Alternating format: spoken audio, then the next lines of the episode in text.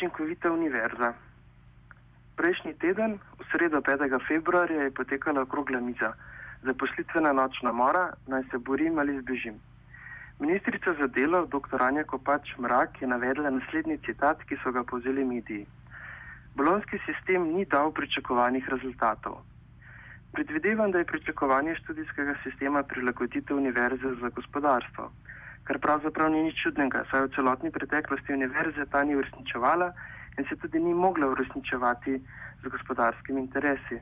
Bolonska reforma je bila ena največjih transformacij univerz v Evropi, ki bi jo prilagodili kapitalističnim razmerjam. Torej, ugotovitev ministrice je na prvi pogled pravilna in točna. Ampak njen namen niso smotri univerze ali kakšna je, ampak delo in zaposlitve mladih študentk in študentov. Problemi za politiko so, kar je tudi posplošena doksa, da univerze in izobraževalne institucije ne servirajo dovolj delavcev za potrebe gospodarstva. Mladi naj ne bi bili usposobljeni dovolj za trg dela, kakor tudi, kot pravijo, aktivni za delo. Pri nas so že v Jugoslaviji razpravljali o družbenih potrebah mladih in s tem tudi študentov. Uvedli so poklicno izobraževanje, kjer so ukinili gimnazije, ker niso servisirale poklicov potrebne kadre. To se je hitro izfižilo, je pa takratna Zveza socialistične mladine Slovenije uvedla tako imenovano študentsko delo. Študenti so lahko delali za žepnine, za delovne izkušnje ali zaslužili potreben denar za študij. V zadnjih dveh desetletjih je to postalo tako razširjeno, da je samo umevno, da ko študiraš, tudi delaš, če ni to tudi ena od redkih oblik možnosti za delo. To delo je brez kakršnih socialnih pravic, tudi pravica združevanja, kot je sindikalno, je nezmožno. Študentska organizacija, ki naj bi politično predstavljala študentsko populacijo, je to vrstno delo podpirala, saj se financira od tlake za to delo. Spremembe je prinesla šele ekonomska recesija, zaradi katere je drastičen upad študentskega dela. Študenti v Sloveniji študirajo dalj časa zato, ker so to prisiljeni. Eno je izreden, rigiden in nemotiviran sistem izobraževanja, kjer je edino vrednost imel papir, da si izobražen, ki nima veze s tem, ali si ali nisi, samo da piše na papirju. Drugo pa je, kar je inicijacija v zaposlitev skoraj neomogočena. Kot pravijo, je to del odraščanja, kar ne drži, to je del preživetja. Študentsko delo pri nas je eno od najbolj razširjenih prekarnih oblik dela, s katero se soočajo generacije od 90-ih naprej. Torej, študenti in študenti že vsaj dve desetletji intenzivno sodelujejo z gospodarstvom, kjer so podvrženi največji eksploataciji brez kakršnih pravic. Zakaj bi jih tudi imeli, saj zraven tudi študirajo? Ena od transformacij Bolonije je, da bi delo na univerzi najbolj prilagodili tudi kapitalističnim razmerjem. Študent s tem postane delavec, ker je tudi študij meritokratsko vrednoten z delovnimi urami naprimer število prebranih strani v urah, vaje, predavanje, kreditne točke in tako naprej. Mogoče s tem pedagog postane tudi delodajalec. Pravzaprav ne. Pedagog postane serviser veščin in znanj, ki jih mora ubiti v glavo učencem. Ne gre za znanje ali veščine, ampak prilagajanje delovnih navad mladim, ki so tako ali tako že bojda razvajeni. Menda. Zraven pa dobi še trohico tablet teoretikov, ki govorijo o potrošniško naravnani mladini, patologiji narcizma in tako naprej. Super recept za mlade brez prihodnosti, ki pa delajo in delajo zato, da bi delali. Vsaki ga pravzaprav poznam, išče študentsko delo, ki bi bilo vsaj deloma podobno njegovemu študiju. Dela so tudi naprimer administrativna, intelektualna, različno tehnokratska in tako naprej, več ali manj delo, ki ga lahko tudi vsak zamenja. In gospodarstvo ni v interesu, tudi zakaj bi, takega delavca zaposliti, če se ga lahko zamenja z naslednjo generacijo študentk in študentov, ki morajo iskati delo. Po študiju se tako znajdeš študirajoč, torej od bolonske reforme navajen delati, poznaš prekerno zaposlitev, torej nisi zahteven glede pravic in znaš tekmovati, kar te več ali manj učijo na univerzi in s tem se soočaš tudi v prekarnih zaposlitvah. In si več ali manj tudi tiho, ker če si na univerzi kaj rekel, si bil moteč, v službi pa zamenjam potem ti pade mrak pred oči, ker si nesposoben za trg dela ali zaposlitev. Ni problema, takoj se najde rešitev. Ministrstvo uvede za to vrstni problem jamstvo, ker delodajalce dajo ulajšave, ker si za gospodarstvo predrag. In tudi financira izobraževanje, ker nimaš delovnih izkušenj. Vok sit in koza cela.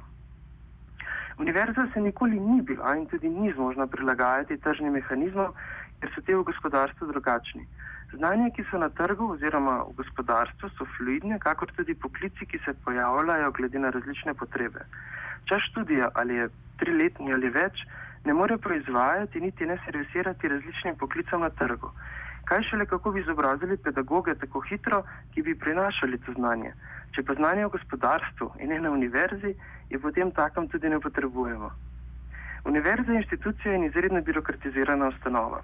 Predstavljate si, da bi forum ali gospodarska zbornica razpisale potrebe poklicev v letu 2018 in potem bi univerza letos razpisala ta mesta.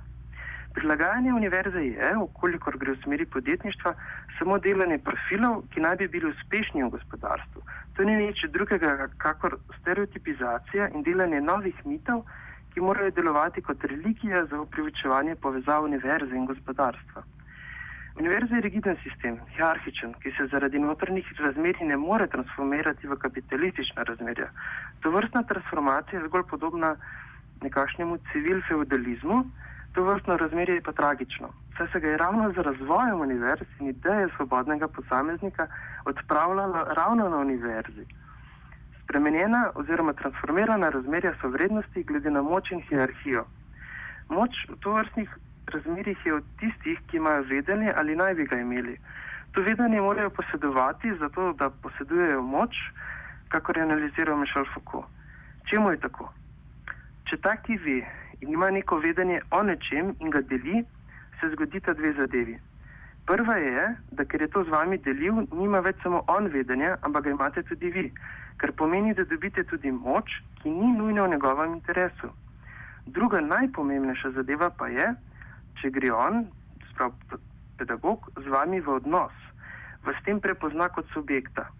To ni značilnost hierarhičnih razmerij, ampak egalitarnih skupnosti, kar pomeni, da to vrstna, to vrstna odnosnost tvori tudi skupnost, komunitas. To vrstni odnosi se morajo po načelu reverzibilnosti tudi nadaljevati in razvijati. S tem subjekt, mislim na študenta, spreminja družbene realnosti in s tem tudi sam prispeva k, k dinamiki nastajanja tudi politike. Napram temu pa je objektivizacija razmeri, ki tvori hierarhijo in preko kognitivnega kapitalizma izčrpavajo ljudi. Bolonska reforma ni bila uspešna, ker ni predpostavljala študente kot subjekte svojo voljo in zmožnostjo delovanja. Lahko je edino transformirala notranje odnose, ker je povečala hierarhije notranjih razmerij. Notranji interesi univerzi so lahko potem zaradi iskanja moči, prezence in ohranjanja moči zgolj prilagajanje družbenim situacijam. S tem univerza ne more servirati ne gospodarstva, ne upravičevati svoje družbene vloge, da je tvornica znanja, intelektualnosti ali predvsem svobode, da se je zoprstavila vsem zlim silam. Prilagojen posameznik je simptom razčlovečanja, kjer je neprepoznavanje problemov šele začetek. Poseduje strah pred pristnimi odnosi, ki se skrijejo pred upravičevanjem svojih lastnih sebičnih dejanj pod hierarhijo, pod teorijo interesov, racionalne zbere in vse podobne floskole. To ni nič drugega, kakor prelaganje odgovornosti na mlade, študentke in študente in s tem dela problematiko nevidno. Ta subjekt je zlomljen, kakršne koli človeškosti, odnosnosti, ki ga preganjajo neusmiljene nasilnice mitov, perverzij, predpisov in ideologij. Prilagajanje velja za vsako organizacijo ali to univerza, raziskovalna ustanova ali društvo.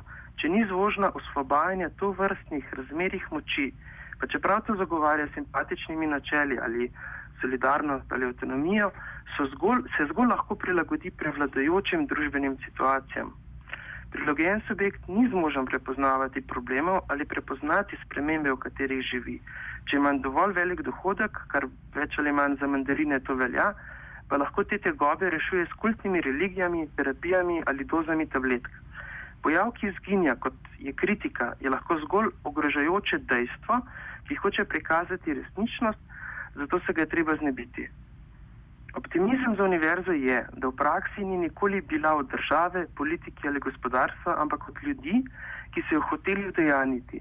Zato so inicijative po svobodni univerzi ali javne akcije oziroma kakršnakoli javne manifestacije nekaj zelo dobrodošlega. Ste opazili, da inicijative, ki govorijo o svobodni univerzi, nikoli ne zahtevajo denarja? Komentar sem pripravil Miha Novak.